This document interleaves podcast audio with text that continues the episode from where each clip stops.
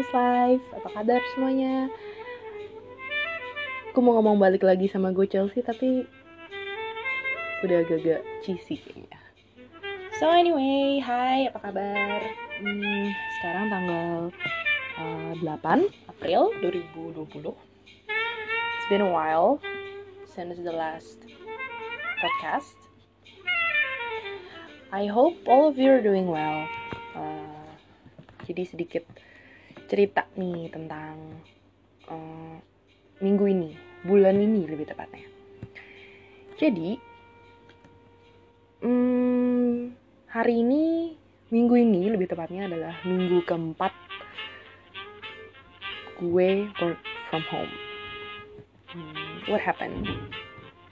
In case some of you are wondering, which is I believe not, karena semua orang melakukan ini ini biar buat pengingat gue sih. Jadi podcast ini mungkin bakalan uh, ada dan disimpan juga sebagai memento dan pengingat apa yang terjadi di momen ketika gue bikin podcast ini. Nah jadi sekarang ini kita semua lagi work from home. Banyak yang work from home. Eh, nggak uh, pernah sepanjang hidup gue sepanjang gue bekerja gue mm, ngebayangin kalau gue bakalan ada di posisi ini work from home. Gue bahkan nggak familiar dengan kata-kata work from home. Yang gue tahu orang-orang yang work from home itu mungkin freelancer, hmm, mungkin mereka freelancer ya kan kerja lepasan ya. Terus orang-orang bisa kerja remote karena kan ada tuh pekerjaan-pekerjaan yang bisa dilakukan dengan uh, cara remote gitu. Dan bos-bos besar. Jadi ketika lo udah punya jabatan, lo udah punya uh, suatu kewenangan tertentu yang bisa bikin lo oke okay, gue kerja dari rumah aja gitu. Dan di saat ini semua orang sorry nggak semua orang koreksi tapi banyak sekali orang yang peduli dari berbagai macam jabatan dan uh, latar belakang pekerjaan itu work from home. Kenapa? Karena sekarang kita lagi diserang sama yang namanya ini nggak lucu sih ini lebih ke tadi ketawa gue bukan uh, sesuatu yang lucu ini lebih ke sesuatu yang memprihatinkan kita lagi diserang oleh suatu pandemi yang namanya COVID-19 kalau gue inget-inget hmm, ini by the way respiratory uh, illness as usual just like SARS. Terus apa dulu? MERS ya. Uh, tapi ini uh, cough ya flu flu kind of things uh, few symptoms are high fever. That's the most important thing. That's why people are putting uh, temperature checks everywhere. Uh, that's the thing. And also coughs as well. And it distributes through body droplets. So people here are crazy about masks dan droplets itu kan sebenarnya tricky ya. Karena let's say droplets bisa berasal dari hmm, uh, mulut mungkin kemudian mungkin dari hidung gitu. Tapi untuk orang kena itu mereka bisa pegang satu tempat tertentu mereka bisa dekat-dekat dan kena juga bisa. Makanya kenapa sekarang orang-orang semuanya di mana-mana uh, pakai masker Terus kita ada istilah social distancing yang kemudian direvisi menjadi physical distancing because you don't really need to social distancing yourself. I mean, yes for an introvert, but no, it's not social. Akhirnya dikoreksi kalau nggak salah sama uh, WHO. Jadi physical distancing gitu. So a lot of things are happening. Uh, dan ini sebenarnya nggak perlu gue jabarkan sekali lagi karena semua uh, masyarakat di Indonesia kayak aware deh sama ini. Dan kita memang agak terlambat dalam tanda kutip agak terlambat untuk mm, memberikan suatu preventif atau gue rasa mungkin gini ya orang Indonesia itu adalah orang-orang yang reaktif bukan proaktif dan gue sadar itu dan gue aku itu. Uh, di budaya orang Indonesia menurut gue kadang-kadang kalau kita melakukan sesuatu yang sifatnya proaktif itu biasanya orang-orang yang jiwa SJW-nya berkoar-koar itu bakal langsung apa banget sih lo gitu. Atau hmm, orang akan ngecap kayak ya elah gitu. Kita harus harus diakuin sih. Salah satu uh, hal yang ngelotok banget di orang-orang Indonesia itu adalah kita tuh reaktif gitu. Menurut gue menurut gue jadi ketika sesuatu udah terjadi kita kita akan menunggu sesuatu sampai terjadi dulu baru kita ambil tindakan gitu jadi sebenarnya sedia payung sebelum hujan itu sering kali berlaku hanya memang untuk keadaan di mana kita akan sediakan payung sebelum hujan secara literal. Jadi ketika kita tahu mendung kita akan bawa payung gitu sih menurut gue. Untuk itu aja, konteks itu aja, jadi peribahasa itu akan relevan untuk konteks itu karena untuk hal-hal lain yang bersifat kebijakan, bersifat prevention, menurut gue kita sering kali tidak bijak dan tidak cukup uh, tidak cukup kuat sih bisnisnya gitu. Anyway, podcast ini dibikinnya uh, di waktu yang berbeda dari biasanya. Kalau biasa gue bikin podcast, ya kalian tau lah ya, subuh-subuh, gitu kan. Bikin podcast, gak bisa tidur, subuh udah menjelang pagi, udah pagi bahkan kalau bisa. Cuma sekarang gue mungkin kalian bakal denger klak klik klak klik tok tok tok gue kerjain sambil kerja. Karena gue nyaris gak ada waktu untuk napas nih selama kerja work from home. Karena ya ini kan kerjaan gue sekarang bidang digital ya dan lagi gila-gilaan banget salah satu hal yang memang bisa dikejar dan juga membutuhkan perhatian khusus karena banyak sektor lain yang lagi kolaps. Dan ngikutin perkembangannya di Twitter itu lumayan bikin hati sedih termasuk cerita dari teman-teman gue sendiri. Jadi uh, banyak perusahaan yang besar medium dan apalagi yang skalanya mungkin kecil ya itu udah mulai uh, laying off their employees by every means. Maksudnya ada yang dibuat shift kerjanya ada yang jadinya diselang-selingin um, seminggu masuk seminggu enggak gitu. Kemudian dalam seminggu perlu masuk seminggu perlu enggak. Terus ada yang masih bisa work from home tapi dapat potongan ini itu uh, karena dianggap toh nggak harus ke kantor jadi kita bisa potong uang harian uh, uang tunjangan harian yang makan transport gitu-gitu dipotong. Ada yang sama sekali tidak digaji selama mereka work from home dan nggak disebut sebagai work from home tapi dibebas tugaskan terus nggak digaji. Itu juga ada. Ada yang udah langsung oke okay, sorry tapi kita nggak bisa uh, handle ini we have to let you go gitu. dan sedih banget. Gue sendiri pun juga jadi ketar ketir karena walaupun uh, perusahaan gue adalah perusahaan yang bisa dibilang ada bekerja di bidang digital gitu ya. Dan orang-orang lagi lagi setengah mati caranya biar uh, bisa genjot si hmm, strategi marketing digital ini. Cuma tetap aja tetap aja ketar ketir karena uh, ketika klien kita juga mengalami kesulitan dan mereka juga minta diskon atau potongan tertentu beberapa minta putus kontrak aja otomatis berpengaruh juga ke bisnis. Dan otomatis kita tidak bisa bukan tidak bisa susah lagi susah untuk cari uh, leads baru gitu. Untuk cari prospek klien yang baru.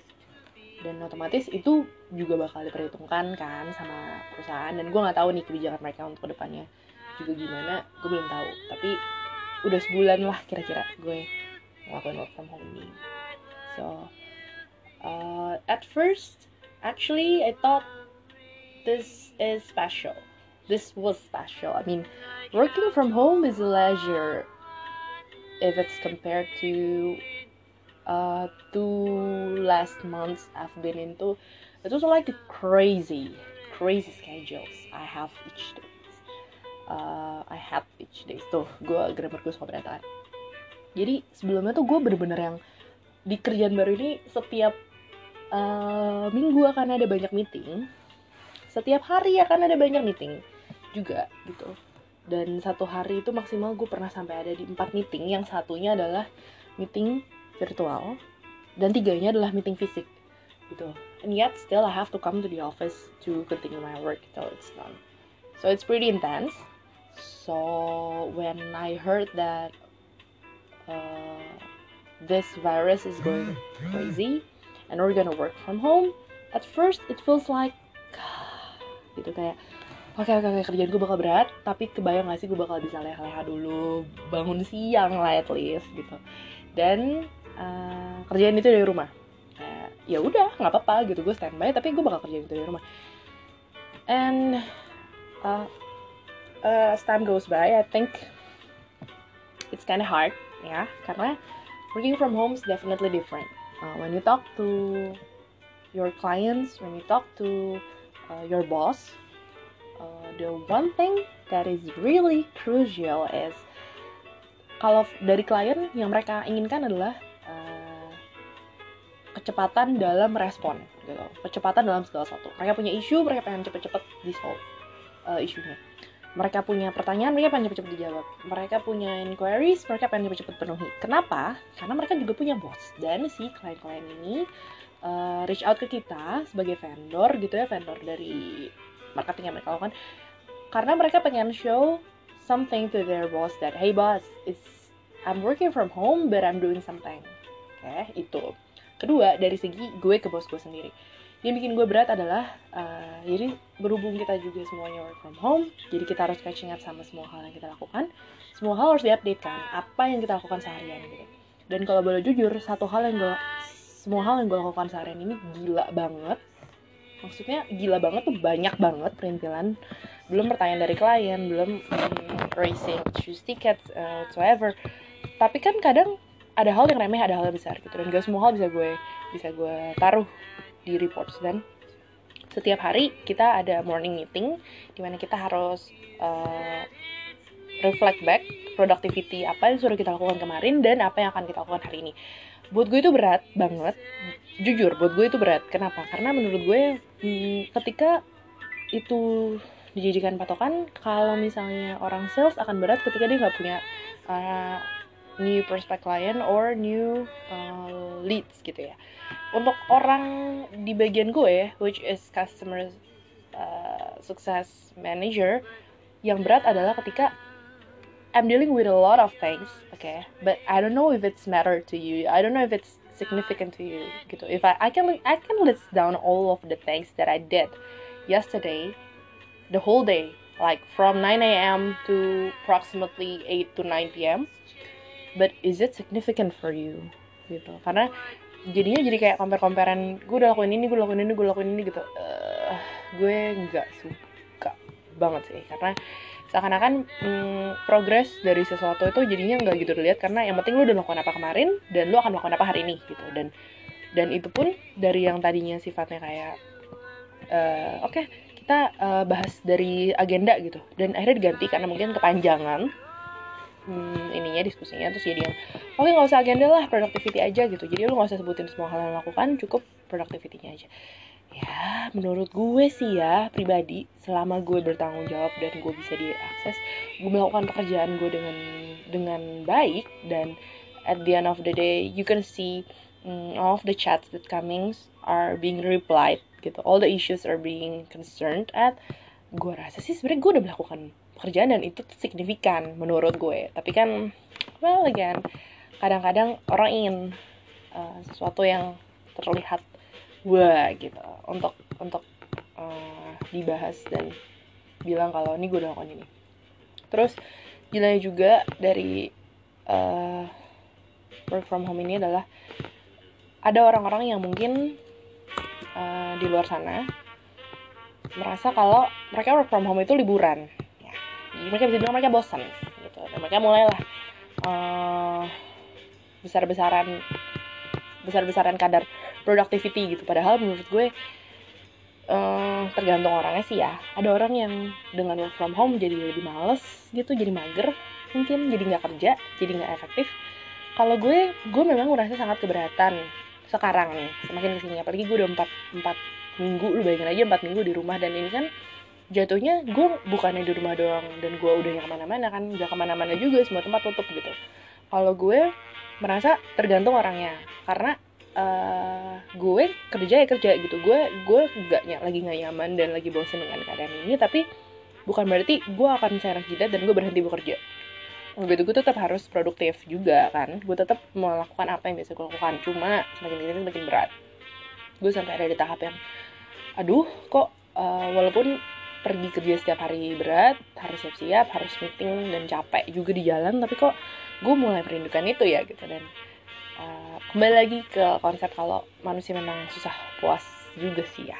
Manusia memang banyak maunya juga lagi dikasih kerja yang sibuk pengennya bisa ada kesempatan leha-leha. Eh sorry maksudnya bisa gak sih ini dikerjain uh, remotely from home gitu?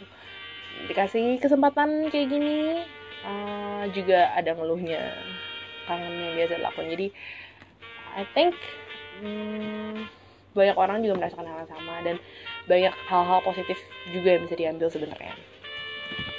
Share langsung. Walaupun gue deket sama nyokap dan adik gue uh, dan kita bisa selalu ketemu gitu setiap hari. Bukannya kita yang berdua nggak ketemu sama sekali cuma uh, memang kalau di hari-hari kerja itu waktu kita buat sama-sama itu sangat minim gitu itu cuma waktu kita cuma punya waktu di weekend itu pun kadang-kadang weekend adik gue pergi nyokap gue punya acara sendiri dan gue juga pergi gitu. Jadi um, dengan ada work from home ini satu yang udah pasti kelihatan banget adalah gue lebih banyak habisin waktu sama nyokap gue juga gitu. Dan dia juga kalau lagi eh, nggak uh, harus masuk kerja karena dia jadwalnya jatuhnya harus masuk work from home masuk work from home gitu. Kayak selang-seling gitulah dalam satu hari kalau nggak salah. Ada dua atau tiga hari yang dia harus ke kantor sisanya di rumah. Itu dia masak dan masakan nyokap gue tuh enak banget menurut gue. Hmm, karena mungkin nyokap gue tuh sebenarnya kalau masak tuh simple gitu. Nggak yang aneh-aneh dan fancy banget khusus-khusus banget. Dia selalu masak masakan yang menurut gue masakan rumahan tapi karena dia jarang masak dan karena dia dari dulu memang adalah seorang working mom bukan ibu rumah tangga yang terus-terus masak jadi setiap nyokap gue masak di lidah gue menurut gue rasanya kayak wah luar biasa gitu. Kayak gimana ya kalau kemarin tuh gue bilang dia masakan mama tuh sederhana tapi bersahaja cie. Jadi nggak nggak berlebihan sih bumbu nggak harus medok tapi juga nggak pernah kurang rasa dan apa pun yang dia masak itu gue suka kadang gue mikir kayak gimana sih caranya buat achieve that kind of thing? Masa iya gue nantinya uh, let's say pas udah jadi seorang istri atau ibu harus jarang masak biar kayak gitu. Karena karena yang lucu dari nyokap gue adalah uh, dia dulunya setelah meret itu dia jadi ibu rumah tangga full.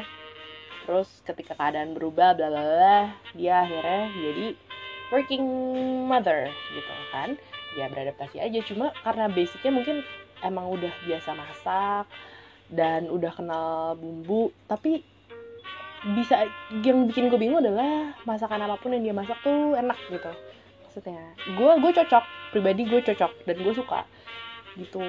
Hmm, enak lah comfort food banget. Terus gue kayak ngerasa ih gimana ya caranya bisa kayak gitu? Maksudnya bisa masak yang nggak selalu harus fancy tapi apa pun yang dimasak tuh rasanya gimana gitu? Rasanya ya enak gitu. Lu nggak bisa bandingin sama masakan resto yang luar biasa tapi setiap nyokap gue masak tuh kayaknya enak aja gitu. Apa yang kena tangan dia dan diracik dia tuh menurut gue enak. Hmm, mungkin balik lagi sih sama apa yang uh, nenek-nenek gue ajarin. Kalau misalnya masak itu resep pasti ada dan banyak macamnya kan sesuai selera. Bumbu takaran semua sesuai selera. Harus pakai feeling kalau masak. Gitu. Tapi yang penting adalah uh, ketika masak masaklah bukan karena terpaksa. Masak pakai hati katanya. Masak pakai cinta. Jadi kalau gue suka gangguin oma enak oma enak nggak? Gitu kan. Dia oma tuh dulu kalau gue pulang kerja atau gue pulang kuliah dulu dia tuh dia udah siapin bahan. Jadi dia udah potong-potong sayur udah potong-potong bawang yang intinya udah tinggal ngoseng gitu buat bikin sayur uh, tumis sayur ca gitu ca bawang putih. Sayurnya diganti-ganti atau sayur lain. Itu dia udah siapin jadi gue udah datang baru udah mau makan baru dibikin gitu. Terus gue bilang sering nanya kayak ya kenapa? Maksudnya gue bukan tipikal orang yang rewel kalau makanan. Jadi ada orang yang kalau makan kan harus dalam keadaan panas tuh makanan baru nggak mau makanan yang dipanasin walaupun saya makanan kemarin lah ada mungkin tipikal orang kayak gitu. Dan gue tuh adalah orang yang paling tidak rewel. Jadi uh, selama makanan itu nggak dingin dari kulkas gue sih nggak masalah nggak panas. Gue sih bakalan makan makan aja gitu. Tetap nikmat aja sih menurut gue. Memang nasi panas enak tapi nasi nggak panas juga nggak apa-apa menurut gue. Kayak hal simple deh sop gitu. Kalau sopnya udah sempet dipanasin dan udah rada anget gue baru mau makan gue nggak seperti orang yang harus panasin apa blebeb blebeb gitu bener-bener masih panas beruap. Biasa aja sih. Jadi gue agak agak mureh soal makanan. Nah di oma ini selalu masak terus uh, tungguin gue pulang biar masih fresh sayurnya jadi. Terus kalau digangguin enak kok enak banget. Kalau masak tuh enak banget kayak tinggal cerat cerat cerat cerat karena udah disiapin sebelumnya dia siapin. Tinggal ngosek ngosek bumbuin gitu tuh kayak enak banget ngeliatnya dan dia cuma bilang iya soalnya pakai cinta katanya. Jangan lupa kalau misalnya masak tuh selalu pakai cinta. Gitu. Jadi mulai sekarang nggak mulai sekarang sih sebenarnya. Gue pada dasarnya gue memang seneng nguprak-nguprak tapi belum hebat belum jago masak. Tapi gue mencoba untuk belajar hal-hal baru gitu. Dan ya itu sih. Harus taruh cinta di dalamnya. Share gitu.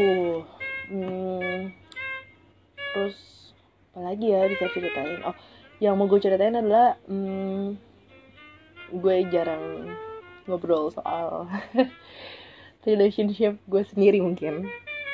Dan gue cuma mau sharing kalau misalnya sekarang hmm, cuma sekarang sih dari kemarin. Uh, been through some changes. Now I'm with a person that is extraordinary as per my judgments uh, gue agak susah ngomong kalau kayak gini. Kalau biasanya bawel dan nyerocos banget ya. Intinya hmm, hidup yang sekarang itu banyak banget hal positifnya dan banyak banget hal yang gue syukurin gitu. Gue seneng lagi ada di hubungan dengan orang yang dari awal dari awal tuh memang udah bikin bahagia gitu. Dan gue juga bahagia karena orang-orang sekitar gue juga bahagia ketika tahu itu. Uh, mungkin sebenarnya sih nggak bijak untuk ngomong panjang lebar gitu. Kayak banyak orang bilang kalau misalnya ya of course you're gonna feel like a million bucks because you just started it. Dan uh, menurut gue mungkin ada benernya uh, periode waktu semua pasti ada ngaruhnya tapi tapi nggak bisa juga dijadiin patokan gitu. Maksudnya ketika uh, kita udah mencapai suatu uh, menurut gue bukan dari usia ya menurut gue dari dari mental yang dewasa gitu. Jadi gue yang sekarang tuh mentalnya terus juga uh, ekspektasinya terus uh, pengalamannya. Jadi bukan dari segi umur menurut gue itu udah lebih dewasa.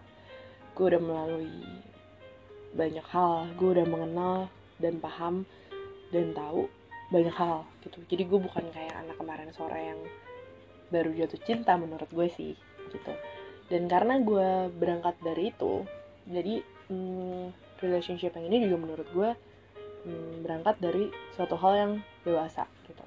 Gue selalu tekankan hmm, kalau diri gue sendiri itu harus baik dulu maksudnya. Diri gue sendiri itu harus konten dulu.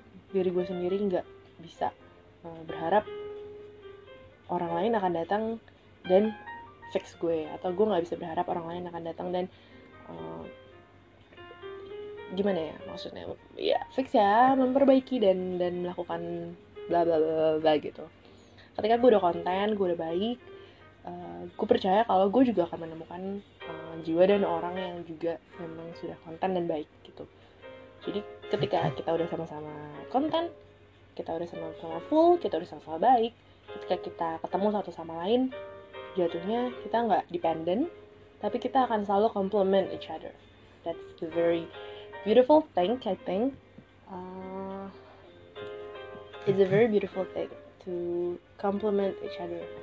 Compliment bukan komplimen ya. Komplimen kan memuji ini komplimen gitu. Uh, dalam konteks pastilah kalau dalam konteks melengkapi ya iya. Tapi bukan bukan melengkapi karena sebelumnya kurang gitu. Melengkapi karena adds up a very valuable things gitu. Uh, sejauh ini um, gue seneng jalaninnya. Hmm, gue udah tahu uh, dia itu orang yang baik nggak cuma sama gue. Punya pemikiran yang juga baik hmm, orangnya dewasa juga. Pemikiran dan dan suka ingetin gue yang kurang dewasa kadang dan juga impulsif ya. Kadang oh kejatuhan. So anyway mungkin untuk relationship ini setelah sekian kepotong ya tadi kita sorry. Untuk relationship ini mungkin setelah sekian lama gue bakal bikin podcast edisi sendiri lah ya. Gitu. Kalau udah udah sudah apa ya udah berjalan juga sekian lama nanti maybe we'll just make a dedicated uh, one for this gitu.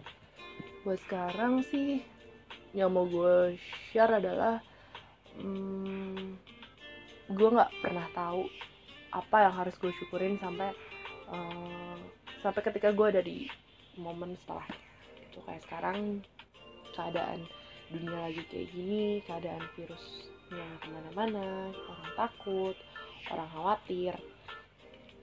Kadang gue nggak tahu gitu. Gue nggak nggak nggak cukup sadar dan peka untuk uh, mengapresiasi hal, hal kecil sesimpel gue jadi harus misa gereja lewat laptop gitu.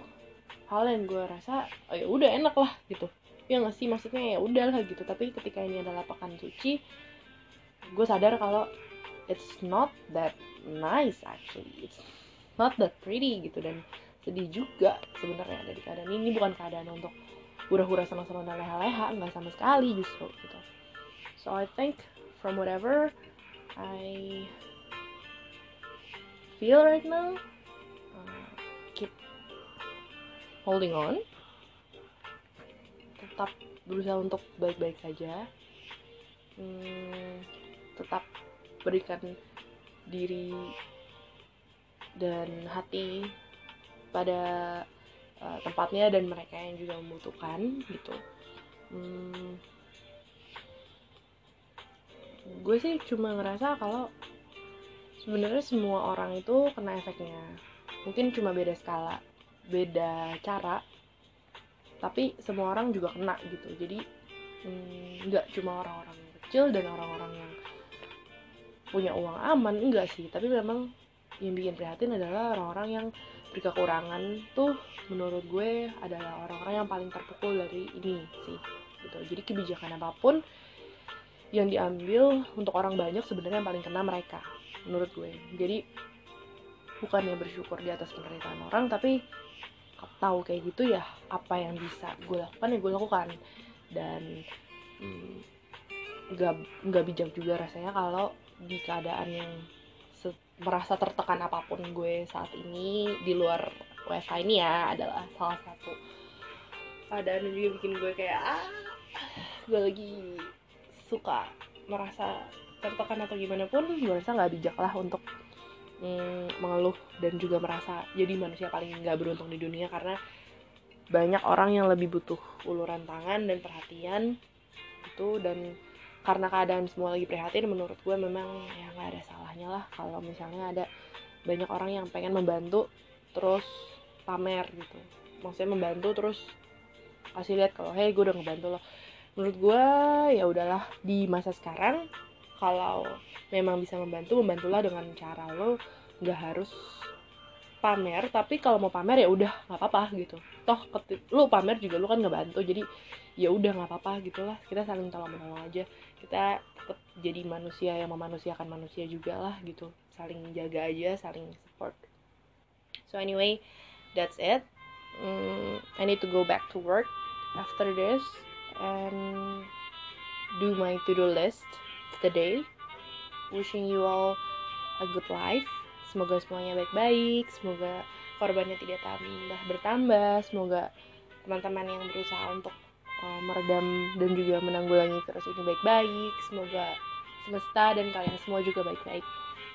Uh, that's it. And see you on the next podcast. Have a nice day. Bye bye